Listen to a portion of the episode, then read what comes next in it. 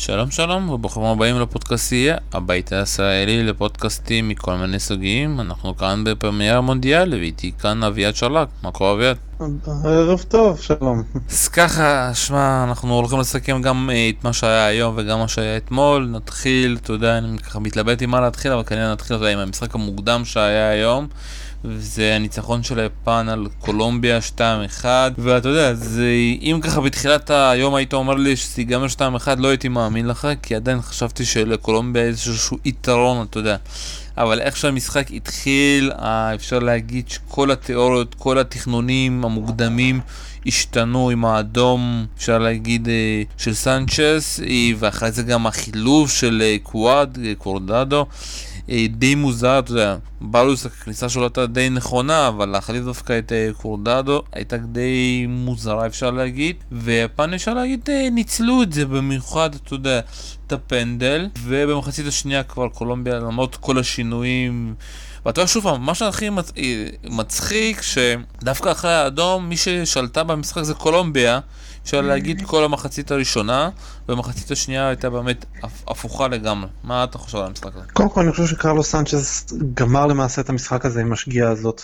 אין שום בעיה לספוג שער בדקה חמישית. אתה יכול לחזור מפיגור 1-0 דקה חמישית. כן, אבל... אבל פנדל ואדום זו... אני אגיד לך מה הבעיה פה, שזה משהו שאתה לא יכול, כאילו, זה לא, אתה יודע, זה לא כמו הפנדל של סוארז, אם אתה זוכר אותו, שהוא מנע פנדל מול גאנה בדקה 120. שם, אתה יודע, זה היה פנדל מכוון. פה זה לא היה, זה היה מין חלק מתנועת הגוף, שפשוט הוא, כי, אתה יודע... היד פשוט זזה, זה פנדל רק בגלל שזה חלק מתנועת הגוף. אתה יודע, אם באמת היד שלו הייתה צמודה יותר, או שהוא היה בגובה קצת יותר נמוך, זה, זה לא פנדל. לדעתי. בימינו כל שחקן הגנה קופץ כבר לכדורי רוחב עם ידיים מאחורי הגב, גם סאנצ'ס היה צריך לעשות את זה פה, כלומר הוא, הוא איבד שליטה על הגוף שלו מה שנקרא, זו הטעות הראשונה. עכשיו לגבי המשחק עצמו, קולומביה, החילוף של קואדרדו היה בגלל שהוא היה חלש, וכדי לחזור ולשלוט במגרש, אז הוא הוציא, הכניס את באריוס שהוא קשר מרכזי יותר. אז... וזו אה, הסיבה גם שהם שלטו חזרה במגרש, הם ויתרו על שחקן התקפי אחד. אני מסכים איתך, אני חושב שקווארדדו הוא שחקן מאוד משמעותי בשביל קולומביה, ואתה יודע, ולא היה קורה שום דבר, אתה יודע, אם הוא היה פשוט מוריד אותו לשחק עם מגן ימני, במקום אריאס, אתה יודע, זה גם אפשרות. עד השלושים הדקות הראשונות של קורדדה היו מעולות. ואתה לא מוצא את השחקן. לא, הוא, היה, הוא איבד המון המון כדורים, הוא היה דווקא די חלש, קורדדו, וזה היה גם סוג של מסר של המאמן הקולומביאני, של חמאס הוא הכוכב הגדול שלי, אבל הוא לא כשיר במאה אחוז, אז הוא יושב על הספסל. וקוואדרדו הוא הכוכב השני שלי, אבל אם יהיה לו משחק לא טוב והצורך הטקטי יענה על זה, אז אני אספסל גם אותו. וזה החזיר אותם uh, למשחק, הבעיה שנשאר להם דם החור הזה מקדימה של היצירתיות. השמיכה קצרה מדי, וליפנים היה נוח לשבת קצת מאחור ולנסות להכות אותם במתפרצות. הם מובילים 1-0, הם uh, במצב נוח בהגנה, לא היה להם שום בעיה לשבת ככה. הדבר היחידי שהפיל אותם זה העובדה שפלקאו שחקן חכם מאוד מאוד. אחרי האדום הזה, פלקאו חיפש כל הזדמנות לנסות להשיג פנדל, להשיג אה, בעיטות חופשיות, להשיג איזשהו אדום, הוא כל הזמן ישב באוזן של השופט, והוא הוציא בעיטה חופשית באמת מכלום. כן, זה באמת, וגם הניסיון של uh, השחקן הזה היא קונטירו, נכון? אני מטה נכון? כן, נדמה לי. אז טעות ככה לכל מי ש... אם אני לא מבטא את השם שלו נכון, אז uh, גם הבעיטה שלו הייתה מאוד מעניינת, אתה יודע, איך שהוא באמת בעט, כי באמת כל השחקנים כבר על אוטומט קופצים למעלה, אבל שוב פעם, במשחק העומד לא היה שום דבר, אה, וגם פלקאו מאוד אכזב אותי. שוב פעם, השאלה אם אפשר לבוא בטענות לפלקאו, שאתה יודע, שאתה מתכנן את המשחק ל-X, ופתאום, אתה יודע, אחרי מחצית אתה משחק בלי קורדדו, בלי חמאס, ועם איזשהו הרכב שאני מאמין שהם בחיים לא תרגלות. אני לא הייתי יכול לבוא בטענות לאף אחד מהקולומביאנים על הדבר הזה. ברגע שאתה חוטף אדום, אתה נכנס לפיגור 1-0 בדקה חמישית, הכל משתנה. זה משבש את הכל. פשוט אה, את הכל, את החילוף של קורדדו מוסיף עוד לבלגן. דרך אגב, בנושא של הבעיטה החופשית, אה, דיברנו על זה כמה חברים והכל, הרעיון הוא גאוני. כלומר, החומה היפנית היא חומה יחסית נמוכה. אין שם חבר'ה גבוהים במיוחד. אז הם באוטומט קופצים למעלה כדי uh, לכסות על יתרון הגובה, על חיסרון הגובה הזה. וזה היה הניצול, זה היה תרגיל מבריק, פשוט לקחת את החיסרון של היפנים ולהכות בהם אותו מהכיוון שהם לא ציפו בו, לא ציפו אליו. כן, מסכים איתך לגמרי, באמת רעיון אה, נהדר. אה, בואו קצת נדבר, אתה יודע, על היפנים, מחצית ראשונה, למרות שהם היו ביתרון המספרי, לא עשו יותר מדי, שוב מה זה לא עשו יותר מדי? כאילו, הלכו אחורה ודווקא היה להם טוב, מחצית שנייה באמת הם חזרו וניצלו סוף סוף את היתרון של השחקן אחד, אה, ואתה יודע, ומה שאני מצטער שאין להם באמת שחקנים ברמה די גבוהה. גם אוסקו, מי שכבש את הראש, הוא שחקן שאתה יודע, הבנתי עכשיו עבר לוורדר ברמר. השחקן היחיד שאתה יודע, שאתה יכול להגיד שהוא ברמה משהו זה קגאווה, כי אה, אונדה זה כבר, אתה יודע, שחקן לשעבר, שאתה יודע, זה מין בניון כזה, שאתה לא יכול להוציא אותו מיפן. והמשחק שלהם הבא, אתה יודע, הוא מול סנגל, אה, משחק על, אה, אפשר להגיד, על עלייה. הקבוצה שתנצח כאן היא בטוח תעלה מהבית הזה במקום הראשון.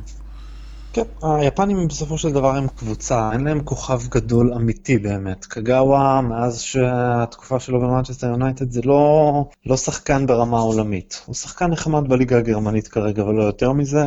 נגטומו הוא שחקן שלא כל כך הלך לו באינטר, יושידה הוא בלם טוב למרכז טבלה תחתית באנגליה, אבל הם קבוצה, הם חברה של שחקנים שמשחקים ביחד שנים, מכירים אחד את השני. ומשחקים על הנקודה הזאת. המשחק שלהם הוא מאוד מאוד קבוצתי, ויש יתרון לנבחרות כאלה. השמות פחות משחקים תפקיד בכדורגל נבחרות בגלל הקטע הזה של, ראו את זה למחצית הראשונה של בלגיה למשל אתמול. אם תסרוק הרבה שמות ביחד, לא כזה עובד. כן, יכול גם להסתכל על זה על ארגנטינה, אתה יודע, הבעייתיות של ארגנטינה שיש להם יותר מדי חלוצים ואין להם קשרים ואין להם הגנה. הם ארגנטינה כביכול החליטו שצריך לעשות הכל בשביל לבנות סביב מסי, אבל הם פשוט לא החליטו מה התפקיד הנכון של מסי. והם זורקים באמת מאוד קדימה, יאללה, מסי יהיה playmaker ואז הוא יסכן את השאר גם מעמדת ה playmaker, אבל לא מזמנים את איקרדי ולא נותנים לדיבלה לשחק. ולמה דיבלה לא משחק? הוא יושב על הפוזיציה של מסי, אבל פוזיציה של מסי היא לא אותו דבר בנבחרת כמו ברצלונה, פשוט הם עושים סלט. דנמרק אתה רואה מהצד השני היא נבחרת, שוודיה היא נבחרת.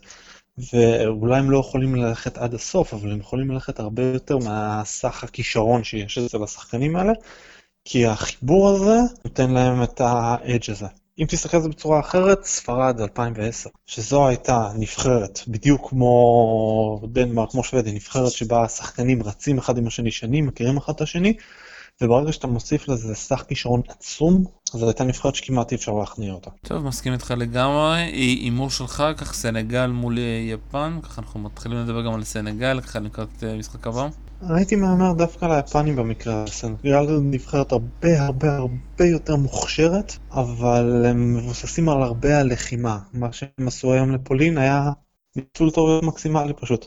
לא ראית את הסנגלים יוצרים משהו אמיתי. טוב, מאוד מעניין, אז בואו קצת נדבר על פולין וסנגל, ואני דווקא אתחיל עם פולין, אכזבה.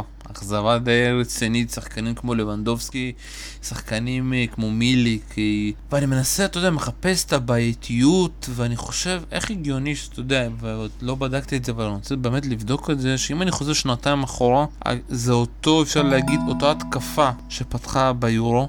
כמעט גרוצקי, לבנדובסקי, מילק, מילק לא היה פצוע, אתה יודע, אני חושב שהוא גם לא היה פצוע אז. ואם גם נחזור, אתה יודע, ל...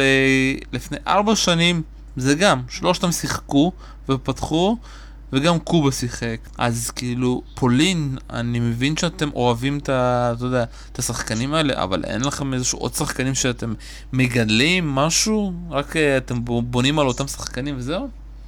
אה, א', כן, כלומר מיליק הוא שחקן לא ותיק, אה, אני חושב שאין להם כמעט שחקנים מעל גיל 30 בקטע הזה, לבנדובסקי בן 30, החבר'ה האלה רצים ביחד כבר שנים והם עבדו נהדר במוקדמות. במוקדמות החבורה הזאת עבדה נהדר, אני חושב שלבנדובסקי היה מלך השערים של המוקדמות, פולין עלתה די בקלות. החבורה הזאת הוכיחה את עצמה, היא רצה טוב, משהו שם נתקע, קקוביה קבר עונה מזעזעת. בווסט ברום, עם עונה מזעזעת קודם לכן בפריס סן ג'רמן. מיליק הוא כישרון עצום, אבל שנתיים רד... מסויטות בנפולי עם פציעות. זה פחות או יותר הבעיה, וזה לא מדינה עם עומק, פולין. אמנם כבר לא כל הכישרונות הפולנים בורחים לגרמניה, כמו שהיה בדור הקודם, עם פודולסקי וקלוזה נניח, אבל זה לא מדינה עם הרבה עומק. מה שיש להם, הם רצים איתו. וברגע שמה שיש להם זה שחקנים שהם לא בכושר, זה ניכר. כן, זה מאוד הפתיע אותי גם 4-4-2, שפשוט אתה יודע, זה דווקא די מתאים מול אה, סנגל, שגם אפשר להגיד שפתחו באותו מערך, אבל זה נראה רע על המגרש, ואם באמת נדבר על סנגל, פשוט, אתה יודע, אפשר להגיד אה, שתי הזדמנויות, במיוחד הגול השני, אתה יודע, אפשר להגיד שאם הוא לא היה בחוץ, לדעתי הוא גם לא היה כובש, אתה יודע, זה חוסר, אפשר להגיד את זה, תשומת לב של כל ההגנה וגם השוער, שניאנג בחוץ ופתאום הוא נכנס.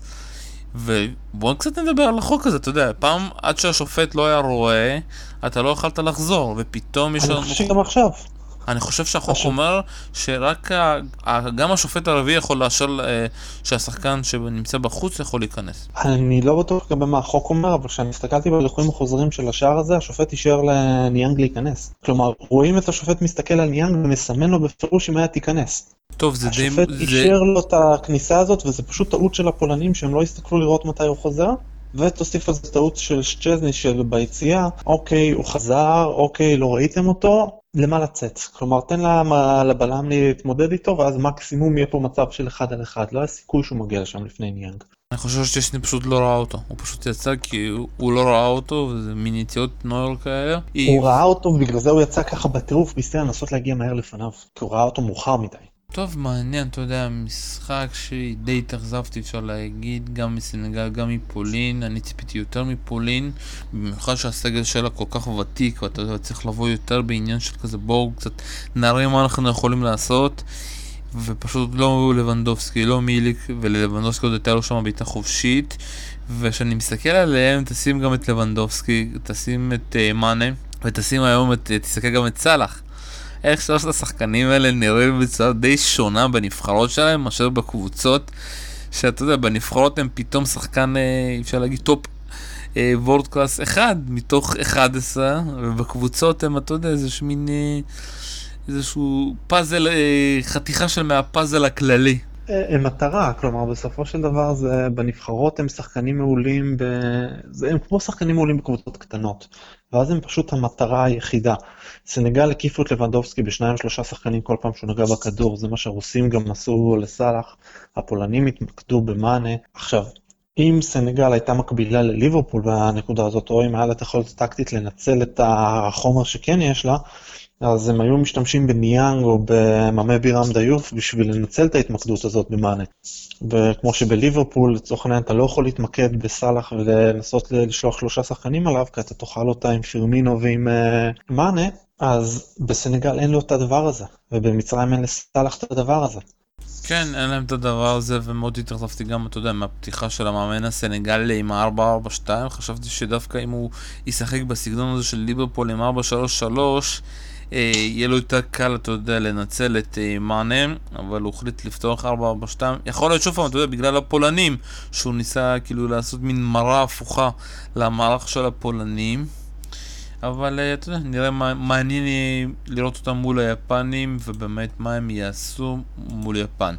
בואו קצת נדבר על רוסיה, 3-1, אפשר להגיד די קליל, אפשר לעצמי של פתחי, צ'רישב, אתה יודע, בטורניר חייו, אתה יודע, אחרי שנה אפשר להגיד מסויטת עם הרבה פציעות בוויאריאל, ודזיובה, שפשוט, אתה יודע, אפשר להגיד שהמונדיאל הזה נולד בשבילו, ואני אתחיל קצת לעשות איזושהי הקדמה לפני זה, סיפור מדהים שהשנה, אתה יודע, הוא היה, התחיל בזנית, ומנצ'יני הגיע, והחליט להתעלל בו, לא נתן לו לשחק. בינואר הוא עבר, הוא אמר, מה, שנת מונדיאל, אני לא אשחק, עבר לארסנל טולה, קבוצה די קטנה ברוסיה, וכדי שהוא, אתה יודע, היה צריך לשחק מול זנית, אז איזה ש... לא כל כך הבנתי מי צריך לשלם, אבל כנראה שארסנל הייתה צריכה לשלם איזשהו קנס, אתה יודע, כדי שהוא ישחק, והוא החליט, זוב החליט לשלם את הכסף הזה באופן עצמאי, עלה לשחק וגם כבש את השער. ובסופו של דבר הוא צריך עכשיו לשלוח לדעתי אה, זר פרחים למנצ'יני, כי אם אה, מנצ'יני לא היה שולח אותו לטולה והוא לא היה מקבל שם את הדקות, אתה יודע, 90 דקות אוטומטיות, הוא לא היה מגיע בכושר מדהים כזה. אני תוהה מה יש במנצ'יני שגורם לו להסתכסך עם כל כך הרבה שחקנים. גם בסיטי היה לו את הסיפור הזה, גם אחר כך אה, בזנית, אני חושב שגם באינטר היו לו הרבה בעיות. אבל הוא, מן הסתם הוא לא הנקודה. הרוסים הם... ניצול הזדמנות למקסימום, כלומר אם היית מסתכל על שני המשחקים שלהם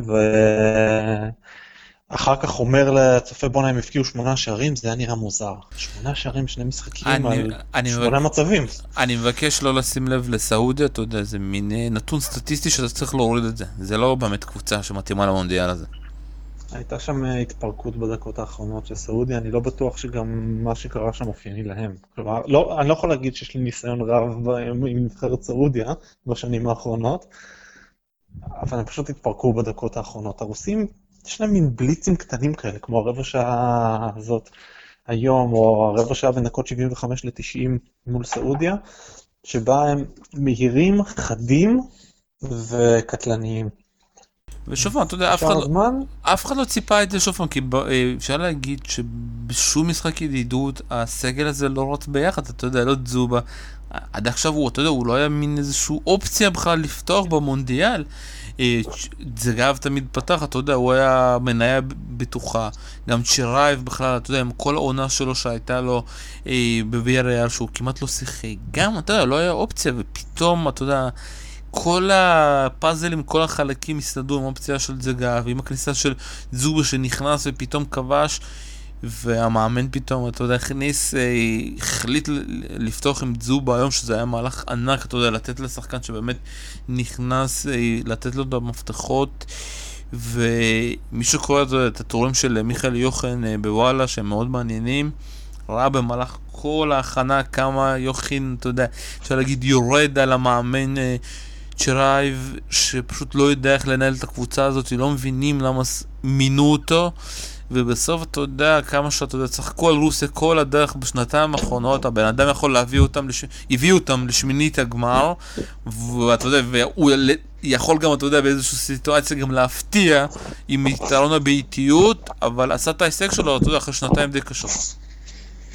אה, פשוט נוטים כל פעם לשכוח כשמסתכלים על מערכות את הנושא הזה של הביתיות ועד כמה זה כנראה קריטי ומשפיע. דרום אפריקה לדעתי המארחת היחידה שלא עברה את שלב הבתים. ותחשוב על דרום קוריאה אמנם בעזרה מסיבית של השיפוט, אבל דרום קוריאה הגיעה לחצי הגמר ב-2002. וזו נבחרת שאף אחד לא חשב שהיא יוצאת מהבתים, בקושי חשוב שזה נבחרת שתבקיע גול. אז גם אם ניקח בחשבון את שערוריית השיפוט מול איטליה ב-2002, שמינית גמר גם הייתה הישג עבורה. כלומר, הנושא הזה של אירוח, הוא נותן המון המון רוח גבית לנבחרת, ופתאום קורים דברים שאתה לא יכול להסביר. כלומר, אתה רואה את ההופעה של דיובה היום, ואיכשהו בפיזיות הצליח לקחת את ההגנה המצרית, זה מרכז הגנה של ווסט ברום. כלומר, עם כל הקטע הזה של ווסט ברום הייתה עונה גרועה מאוד בליגה האנגלית, אל-ג'אבר וחיגזי הם חבר'ה די פיזיים. הם לא נבהלים מחלוץ גדול וחזק. נכון, אבל ראית את היתרון של זובה, אתה יודע, גם במשחק הקודם מול ערב הסעודית, הגודל שלו וההורדה של הכדור שלו, והמצרים, שוב פעם, אתה יודע, עם כל הכבוד לערבים, הם עדיין לא יודעים איך להתנהג מול גולות כאלו, ושגולה כזה יודע גם להשתמש בגוף שלו בצורה נכונה, זה מפתיע, שוב פעם, אני מאמין אם זובה, אתה יודע, מגיע מארסנל טולה, או היה מגיע מזינית עם עונה של עשר שערים, אז כן, האנשים היו שמים לב עליו, אבל שאתה באמת נאבד בארסנל טולה, אז אף אחד לא לוקח אותך ברצינות, ופתאום אתה מפתיע. נכון, אבל אני אומר, אל-ג'אבר וחיגזי, הם, הם כל השנה הם משחקים מול כאלה בריונים, באימונים, מול מי הם מתאמנים הרי ביום יום? מול סלומון רונדון, שהוא בדיוק האב טיפוס של הדבר הזה. ומי הקשר האחורי שלפניהם? אל-נני, מארסנל. זה לא אמור לקרות להם. אם אני- היית מסתכל על לא ההגנה מסכים המצרית, אני לא מסכים איתך, אני חושב כי פשוט בגלל ש... אם תשים לב איך המצרים משחקים, הם משחקים במין 4-5-1 כזה, שסאלח תעשה, אל תעשה הגנה וכולם באמת מנסים לכווץ, אבל כשאתה מנצ... מנצל את היתרון הגובה של זובה, אתה... הם לא יכולים להתמודד. זה סגנון שונה, כי- והם לא רגילים לסגנון הזה. ש- כשאני שוב פעם אני מחפש לחשוב על מי משחקים כמין פיבוט כזה, אולי פיטר קראוט שאתה יודע, היו משחקים עליו ככה פעם, אבל אין, אין שחקנים בסגנון של זובה, בגלל זה באמת, באמת היכולת שלו די מפתיעה אותי, וגם היכולת של ההגנות שהן לא מסתדרות, כי הן לא רגילות, אתה יודע, לסוג כזה של חלוץ. זה, אני חושב שאנחנו, זה הרבה יותר נפוץ בליגה האנגלית. אני חושב שיש דברים שפשוט קשה להסביר ברמה הזאת. אני חושב גם הגול של ג'יובה, אני חושב שאם תיתן לו עוד 200 כדורים כאלה, הוא מצליח לייצר בעיטה לשער רק פעמיים. אבל היום פשוט כוכבים חייכו עליו, מה שנקרא, והסיבוב שם של המגן על הצד, זה היה מהלך. מין בליץ קטן כזה, הטעות אחת של פתחי, ו... פתאום ברגע שאתה נותן לרוסים את הפתח הקטן הזה, פתאום הביטחון נכנס בהם, וכל שחקן שם פשוט מתחיל לשחק למקסימום היכולת שלו. זה בליצים קטנים של דקות מסוימות. טוב, בוא קצת נדבר על המשך. מה אתה עושה אם אתה מאמן של רוסיה, ובמידה ואורוגוואי תנצח מחר, 6 ו-6. אתה צריך באמת לקחת את העניין הזה ש... ואתה לא תוכל לדעת מי הולכת להיות מקום ראשון או שני בבית של פורטוגל, כי זה בסופו של דבר ייגמר על אלפי שערים, המצב שמה. אתה באמת משחק עם העניין הזה של המשחקים, אה, אתה יודע, דירוג, או שאתה אומר, זה לא משנה מי אני מקבל, פורטוגל או ספרד, שניהם חזקות, וזה, המשחק הזה מול אורוגוואי, זה באמת קצת, אתה יודע, להוריד את הלחץ ולתת לשחקנים שלא שיחקו עד עכשיו ולתת להם לשחק. אני הייתי, אה, לא הייתי מתחיל, הייתי נותן מנוחה אולי לשחקנים מסוימים, שניים או שלושה, לא יותר מזה, למשל איגנשביץ', שהוא בן 38 ולא תזיק לו המנוחה ולא לשחק כל אה, שלושה ימים, זה יהיה אפקטיבי עבורו, אבל מלבד זאת, הייתי מנסה לתרגל מול אורוגוואי דברים שיהיו יעילים מול פורטוגל או ספרד, לצורך העניין, לנסות לשחק על מתפרצות, לנסות לשחק... אה, להתגונן מול קבוצה שמניעה, לתת לאורוגוואים את הכדור ולנסות אה, לראות איך אני מתגונן מול קבוצה שמנסה להניע כדור. לנסות להכין את עצמו כבר לפורטוגל או ספרד עם ההרכב הראשון. טוב, יהיה בדי מעניין כי זה באמת סיטואציה לא קלה שאתה מגיע למשחק השלישי, זה די טריקי ושאתה יודע, גם קשה לך לשחק עם משחקי הדירוג, שאתה מקבל, לא משנה את מי אתה תקבל, אתה תקבל נבחרת די טובה. ובאמת... אני לא חובב של מנוחות פשוט בקטע הזה, אני פשוט חושב שכמעט כל פעם שקבוצות uh, עושות את הקטע שטוב אני אתן מנוחה להרכב הראשון, זה איכשהו גורם כן, ליציאה מאיזון. אני, נכון, אני חושב על פה גולובין חייב לקבל מנוחה, אה, גם ז'ירקו, אתה יודע, ראינו שהוא יצא היום כבר, הוא גמור לגמרי. והבעיה, השאלה באמת איך אתה יודע, איך אתה תשחק, יכול להיות שהוא צריך לפתוח עם שני חלוצים, ושוב פעם, זה די מעניין, כי אתה לא יכול להגיד שצ'רייב צריך מנוחה, אתה יודע, הוא לא שיחק כל השנה. אה, הקיצוניים, אני כמעט, אתה יודע, לא, לא משפיע, לא ראיתי שהוא עשה גם היום משהו, אבל הוא קיבל כבר שני משחקים, ואני מדבר על אה, סמדוב אה, שקיבל, אתה יודע, את הפידבק שלו גם היום וגם במשחק שעבר, לא ראיתי שהוא עשה משהו מעניין, אתה יודע. הוא רץ, אז באמת יהיה מאוד מעניין מה, מה יהיה ההחלטה של המאמן הרוסי. בואו קצת נדבר על המשחקים של אתמול. שוודיה, קוריאה, בקטנה אפשר להגיד שהמונדיאל הזה יותר מדי בעיטות חופשיות, קרנות. והנה עוד, אה, אפשר להגיד, פנדל בעזרת המערכת VR. אתה בעד המערכת? נגד? אני מאוד מאוד בעד המערכת, אבל בצורת יישום נכונה שלה. כלומר, אנחנו רואים יישום מאוד נכון יחסית כרגע. הייתי מוסיף לזה עוד אה, שני דברים לשיבוש במערכת, אבל זה יותר עתידי. אחד, זה אפשרות לתת לשופטי VAR להסתכל על אירועים שהשופט מפספס, ולא רק אה, לתת לו פתרון לדברים שהוא שואל אותם. כלומר, אם יש משהו שהשופט לא ראה, הוא לא מבקש מה-VAR לבדוק, ואז האירוע הזה יכול להיעלם. אז הייתי נותן להם את האפשרות לעיין בזה. ודבר שני, הייתי נותן גם, כמו בפוטבול, צ'אלנג'ים למאמנים, שישתמשו בזה במהלך המשחק. יש לך כל מאמן שני צ'אלנג'ים, שברגע שיש החלטת שיפוט הוא יכול לזרוק דגל, ואז השופט חייב לבדוק את האירוע הזה, גם אם הוא לא ביקש מה-VAR לבדוק. באמת, אני חושב שהעניין הזה של ה-challenging, כמו שהוא בטניס, זה מאוד טוב, וזה גם יכניס כזה לאווירה, כי אני תמיד רואה שיש כאילו... ההחלטות שהוויר לוקח זה רק דברים שבאמת השופט לא רואה, או שזה דברים לפעמים שהם כזה אומרים obvious. ואתה יודע, הוויכוח הכי גדול, שאני לא יודע מה השופט היה עושה, זה הגול שברזיל חטפה. אתה היית מבטל את הגול? אה, לא, אני לא הייתי מבטל את השער הזה, אני חושב שלא הייתה שם דחיפה ש...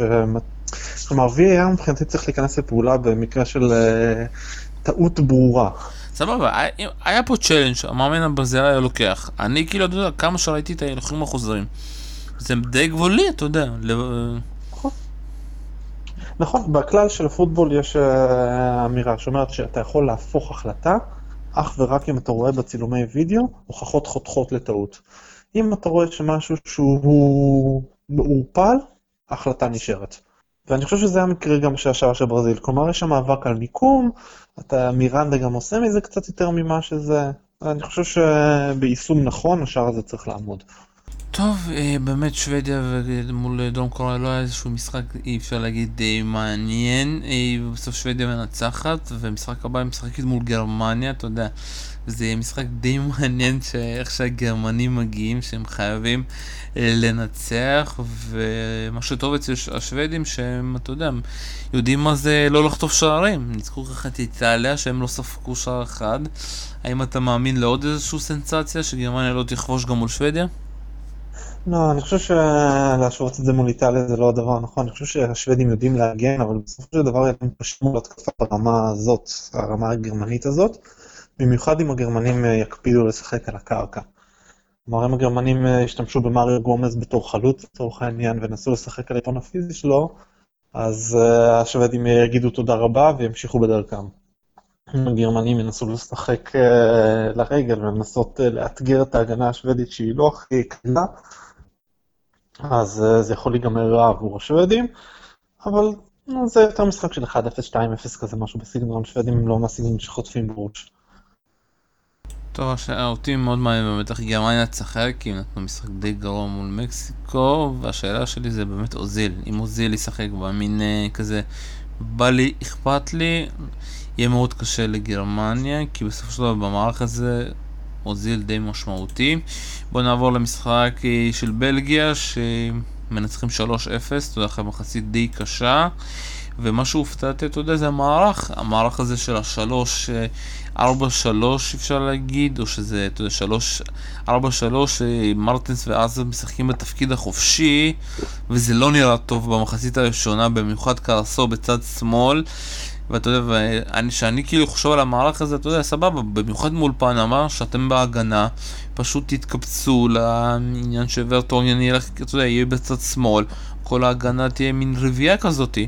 אבל כל המחצית הראשונה קר, קרסו ירד uh, לעזור כמגן שמאלי, וזה נראה רע, וזה נראה שהם בחיים לא שיחקו בצורה כזאת. אני חושב שהם משחקים ככה בצורה די קבועה, אני לא מת על זה, אני אגיד לך את האמת, פשוט כי אני קרסקו הוא לא, הוא לא, הוא לא מגן שמאלי טבעי, ונבחרת שתדע לנצל את זה תוכל להעניש מאוד את הבלגים על הסיפור הזה. לא, העניין הוא שאתה יודע שזה לא העניין של המגן שמאלי או לא מגן שמאלי, הוא לא מגן שמאלי, הוא קיצוני שמאלי. במערך הזה הוא חייב פשוט לחתוך על כל הקו, אתה יודע, זה פשוט, הוא חייב כאילו, לש... ואתה, וככה אתה מפסיד את... ו- וככה אתה מפסיד את עזה, שהוא פשוט צריך להסתובב ולחפש מקום באמצע ליד לוקאקו, מאחורי לוקאקו, שזה, אתה יודע, שזה לדעתי טמטום, וראינו את זה גם, גם במחצית השנייה, שקרסו יצא, ואז הוא פשוט הולך לצד שמאל וחגג שם. זה פנמה, זו דוגמה, אני חושב שעדן עזר פורח בדרך כלל כשנותנים לו את החופש הזה, כשנותנים לו את האפשרות uh, לשוטט ככה ולנסות למצוא את הנקודות המתות בהגנה. אה, ככה, כשהוא בא מצד שמאל, אז הוא איפשהו קצת מוגבל. זו גם עמדה שהוא פחות אוהב, הוא בעצמו מצהיר שהוא את התפקיד החופשי מאחורי החלוץ. כרגע אבל השיטה הזאת יוצרת כמה בעיות. הבעיה הראשונה היא הנושא הזה של קרסקו בצד שמאל, שהוא לא מגן, וכשהוא יתבקש לכסות בתור מגן זה עלול אה, לגרום לחורים. דבר שני זה קווין דה בריינה. דה בריינה ראינו מה מוציא את המיטב ממנו השנה אצל גוורדיולה. מערך של שלושה קשרים באמצע שבו יש לו חיפוי שמאפשר לו ללחוץ, שנותן לו גם אופציות. כלומר, אם, תזה, אם היית משחק איתו בקישור של אה, שלושה באמצע, ולבלגים יש את האופציות לעשות את זה, אם נניח דבלה ושומו שמיים נאין גולן, אז דברים היה יכול להיות נזק עצום כלומר מערך נורמלי של 4-3-3, שדבריין, נעים גולן ודמבלה שם באמצע, מעליהם עזר, מרטנס ולוקאקו, ומאחורה רביעיית הגנה, אני חושב שבלגיה הייתה נבחרת הרבה הרבה הרבה יותר טובה. טוב, אני חושב שהוא לא יפתח ככה מול אנגליה, ויכול להיות שאתה יודע, הוא ניסה ככה לעשות כל מיני ניסיונות מול פנמה, ומול פנמה אתה כן יכול לעשות, כי באמת נבחרת חלשה, והגיע הזמן לדבר על אנגליה, אתה יודע, היא שגם פתחה באיזשהו מערך די הזוי, אפשר להגיד, עם ה-3-4-3, זה נראה הזוי יותר, אתה יודע, אפשר להגיד, ממה שבלגיה שיחקה, כי במערך הזה קיין וסטרלינג חלוצים, לינגרד מאחוריהם. ומה שהכי הדהים אותי שטריפר לקח את כל הבעיטות החופשיות, אתה יודע שזה איזשהו, לפחות אפשר להגיד שזה טריפר ולא קיין, אם אתה זוכר פעם ביורו, אם אני טועה, זה היה ביורו, במונדיאל. ש... ביורו, כן התחיל לקחת את כל הקרנות ולא הבנתי מאיפה זה מגיע. ואני, שוב פעם, זה התחיל טוב, אתה יודע, עד שהטוניזאים הצליחו להבין מאיפה זה מגיע, מחצית שנייה הייתה גרועה. שוב פעם, כי אתה יודע, אחרי מחצית אתה מבין איך סוגרים את המערך הזה, ובסוף האנגלים צריכים להגיד תודה שאתה יודע, הטוניזאים כאלה קטנים, שמגווייר יכול, אתה יודע, כל פעם להגיע לקרנות, וגם תודה לטריפר. קודם כל, אני, אני אוהב את הרעיון הזה של טריפר שלוקח את הבעיטות החופשיות, כי אני חושב שהוא היה באמת סכנה אמיתית באגף ימין בטוטנאם השנה. אני חושב שהבעיה הגדולה של אנגליה היא שאם היית שואל אותי לפני המשחק מה יהיו הבעיות שלהם במשחק, במונדיאל הזה או במשחק מול טוניסיה, אז הייתי נותן לך רשימה קצרה של בעיות אה, מרכזיות, וכל אחת ואחת מהבעיות האלה פשוט התממשה על הדשא. אחת, שסטרלינג לא חלוץ.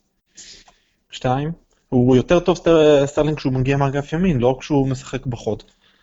בעיה שנייה, גם סטרלינג, גם ג'סי לינגארד הם מחמיצנים. הם שחקנים עם אחוזי ניצול מצבים לא גבוהים במיוחד. לסטרלינג היו השנה החמצות מזעזעות שאתה לא יודע מאיפה זה הגיע, לינגרד ביונייטד נתן עונה טובה, אבל הוא שחקן שמבקיע שערים שמדהימים אותך, אבל מחמיץ מצבים שאתה תופס את הראש.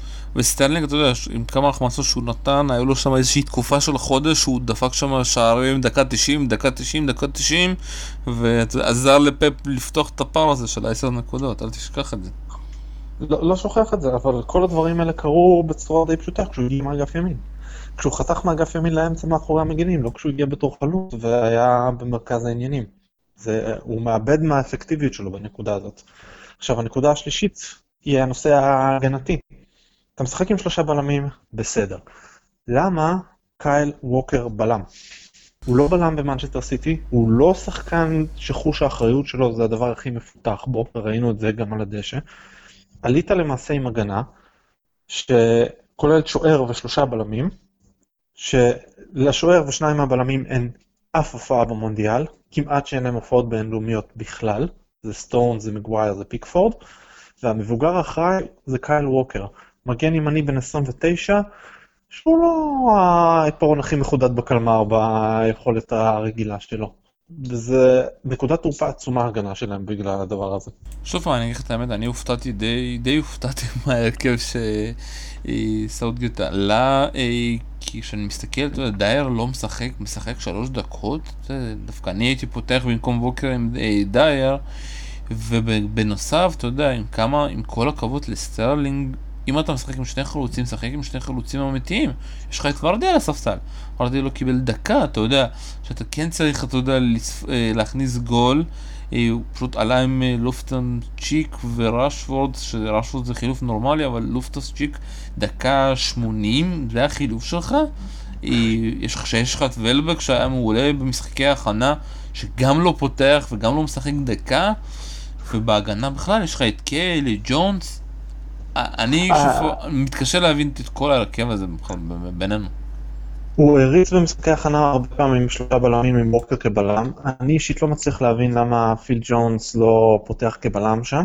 דבר שני שאני לא מצליח להבין זה למה סמולינג שהוא לא נתן עונה הכי מבריקה ביונייטד, אבל בסופו של דבר כשאתה מדבר על אופציות כמו מגווייר אה, וקייל ווקר כבלמים, קריס סמולינג הוא בלם טוב, והוא בהחלט אה, ראוי לסגל והוא בכלל לא נסע.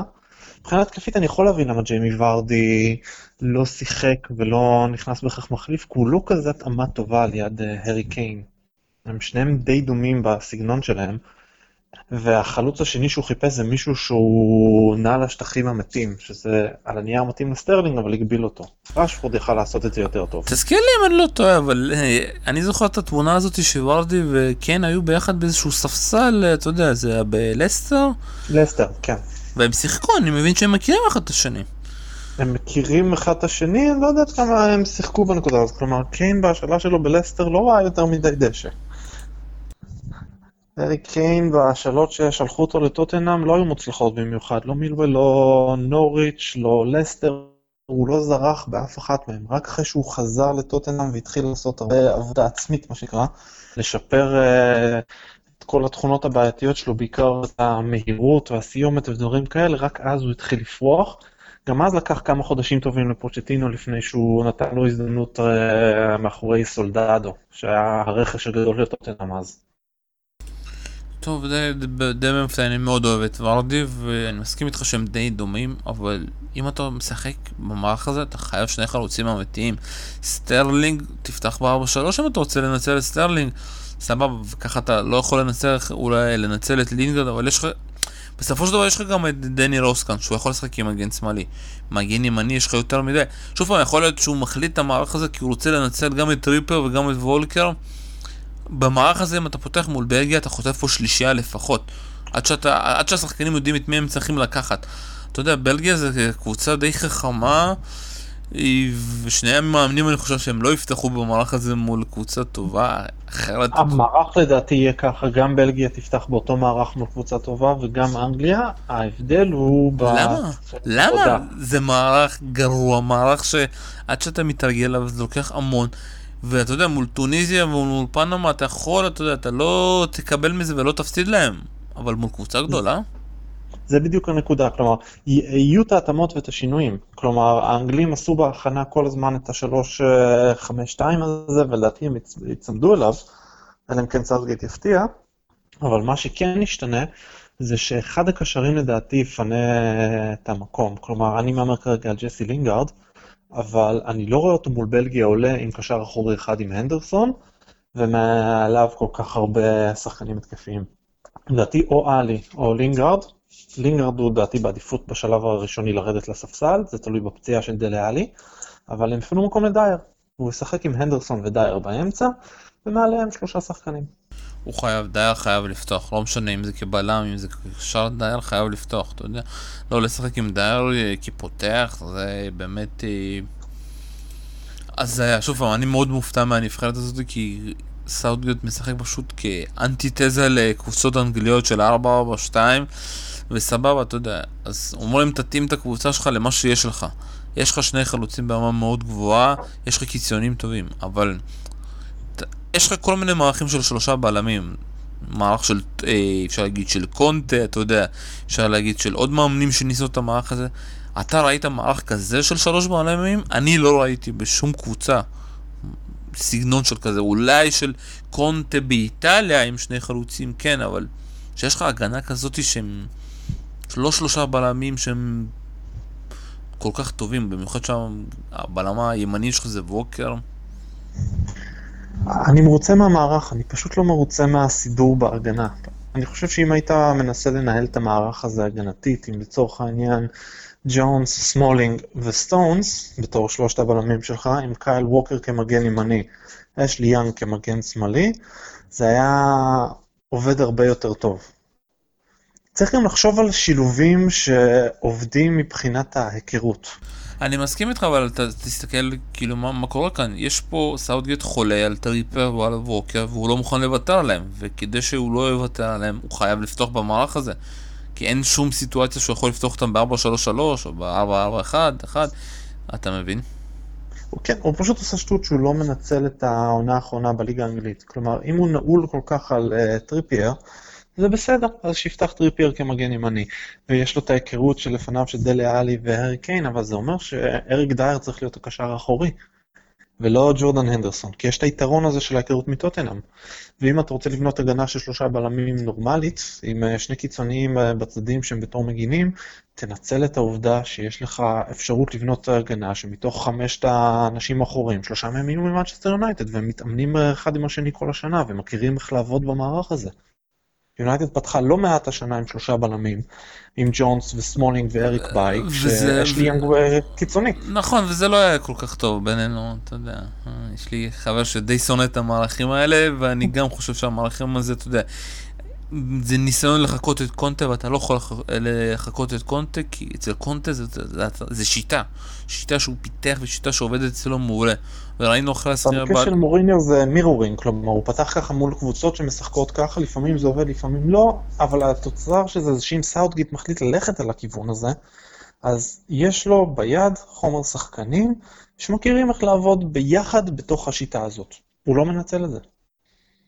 שוב פעם תזכור מה שאני אומר, אם הוא יפתח ככה בצורה כזאת, לא משנה אה, אם עוד קשר או לא קשר, אתה לא יכול לפתוח ככה מול בלגיה, במיוחד עם סטרלינג כחלוץ ביחד עם כן, אפילו תוציא את סטרלינג ותוסיף לשם עוד קשר כזה, את לינגרד לפ- אה, ככה לדעתי, ולהביא באמת קשר כזה. לא, הסגנון הזה, שוב פעם, מול קבוצות גדולות אתה תקבל הרבה שערים. בואו קצת אה, נתקדם גם למחר, אה, ומחר משחקים, אתה יודע, על הנייר די קלים, אתה יודע, אני מצפה להרבה גולים. פורטוגל מול מרוקו, אורוגוואי מול סעודיה, אה, מול ערב הסעודית, ואיראן מול ספרד, ואם יהיו גם משחקים משעממים, אתה יודע, צריך לסגור את המונדיאל הזה. אני חושב שהפוטנציאל ההפתעה פה יושב על פורטוגל מרוקו. כלומר, ההופעה של קריסטיאנו רונלדו במחזור ראשון אה, היא מול קבוצה גדולה, ומול קבוצה גדולה באופן אירוני הרבה יותר קל לו, כי אז אה, ספרד תוקפת ופחות מתמקדת בלסגור אותו. מרוקו תשלח שלושה אנשים שיסגרו את קריסטיאנו רונלדו ויגידו לאחרים שינצחו אותם. עכשיו השאלה אם הם יכולים. אבל- אבל הקבוצה של פורטוגל השנה היא יותר טובה ממה שהם, אתה יודע, הם זכו ביורו, עם גדש, עם אה, ברננדו סילו, שחקנים שעברו משהו, אתה יודע. על הנייר אפשר, אה, על הנייר תסתכל על הנבחרת שזכתה ביורו, היה שם נני עוד יחסית בכושר טוב, קוארסמה בכושר טוב, גדש, אנדרה סילבה, ברנרדו סילבה, אלה שחקנים עם כישרון, הם פוטנציאל לא רע, אבל הם לא שחקנים מוכחים ברמה הזאת עדיין. כלומר, הניסיון מדבר. אני מסכים איתך, אני רוצה להגיד לך שהזכייה שלהם ביורו היה עם סגל יותר אה, גרוע. זה היה, שחקנים שעדיין עדיין לא... בשנתיים האלה אתה ראית התפתחות מעולה של גדש, התפתחות מעולה של ברננדו סילבה, וילם קרווליו, אתה יודע, מתפתח שם בקישור. מונטיניו עם, ש... עם שני עונות מעולות במונקו. אה, הבעיה, שוב פעם, שאני חושב שבעיה שקשה לפתור בפורטוגל זה ההגנה שלהם, הדי זקנה, אבל זה מה שיש ועם זה הם צריכים להתמודד. ואם הוא הולך להמשיך ב-4-4-2, יהיה למרוקו די קשה, במידה וגם, אתה יודע, הוא החליט פתאום לפתוח עם אנדרה סילבה. כי אני חושב שאנדרה סילבה הוא חלוץ מעולה, ואחרי המשחק הלא טוב של גדש, הוא כן צריך לקבל פה דקות. אנדרו סילבה הוא הפרטנר המועדף על רונלדו, אז אני חושב שזה היתרון שלו. והסגל של פורטוגל כמו שאמרנו, הוא אולי יותר טוב, אבל הוא הרבה פחות מנוסה וזהיר, ופתאום כשהם יבואו מול נבחרת מרוקו, שתסגור אה, מאחורה תצופף מאוד, כל פעם שרונלדו ייגע בכדור יהיו לו שלושה אנשים, ואז הם יגידו לגדש, לברנרדו סילבה ולאנדרה סילבה, יגידו להם, אוקיי, בואו אתם תנצחו אותנו. אתם עם, אה, שיש לכם ב- עד עכשיו אפס הופעות במונדיאל לפני המונדיאל הזה, בואו, בואו תראו לנו מה אתם מסוגלים לעשות. טוב, זה אני, יהיה פוטנציאל הפתעה. אני לא חושב שיש כאן עניין של הפתעה, כי פורטוגל יודעת, וגם ספרד יודעת שהן חייבות להפקיע, והרבה. בסופו של דבר, מי שתסיים פה על מקום, מקום ראשון, זה, זה, זה על הפרש שערים, ושתי הקבוצות, גם מרוקו וגם איראן, חייבות יודע, להתמודד מול לא לספוג יותר מדי שערים, אה, כי בסופו של דבר, שתי הקבוצות רוצות גם, אתה יודע, לגמור פה מקום ראשון. היא אורוגוואי, אה, סעודיה על ערבה סעודית, 5-0, 4-0, כמה אתה מהמר? לא, אני חושב שיהיה פה 1-2-0, אני חושב שאורוגוואי לא נבחרת שבנויה אה, לדרוס, אורוגוואי נבחרת שבנויה מאוד לעקוץ אותך. עם הגנה מאוד צפופה ומסודרת מאחורה, קישור לא הכי יצירתי בעולם, ושני חלוצים חדים. הם נבחרת שבנויה יותר אה, לצופף מאחורה ולהכות אותך, וקשה להם קצת עם הקטע הזה שהם צריכים ליזום וליצור. ראו את זה מול מצרים והסיבוב הראשון. טוב, אני חושב דווקא שאתה יודע, עם כל האנשים שאתה יודע, משחקים פנטזי, הם השקיעו הרבה כסף על קוואני ועל uh, סוארז, אתה יודע, צריכים לקבל מהם איזושהי תפוקה. אה, וזה משחק מעולה בשביל אה, תפוקה משני השחקנים האלה שדי אכזבו מול מצרים. וכאן אנחנו נסיים את הפרק של היום, פרמיירה במונדיאל. תודה רבה לך, אביעד שרלג. תודה רבה, שלום, היה תענוג. כאן היה שלום סיונוב, תודה רבה שהקשבתם, ביי ביי.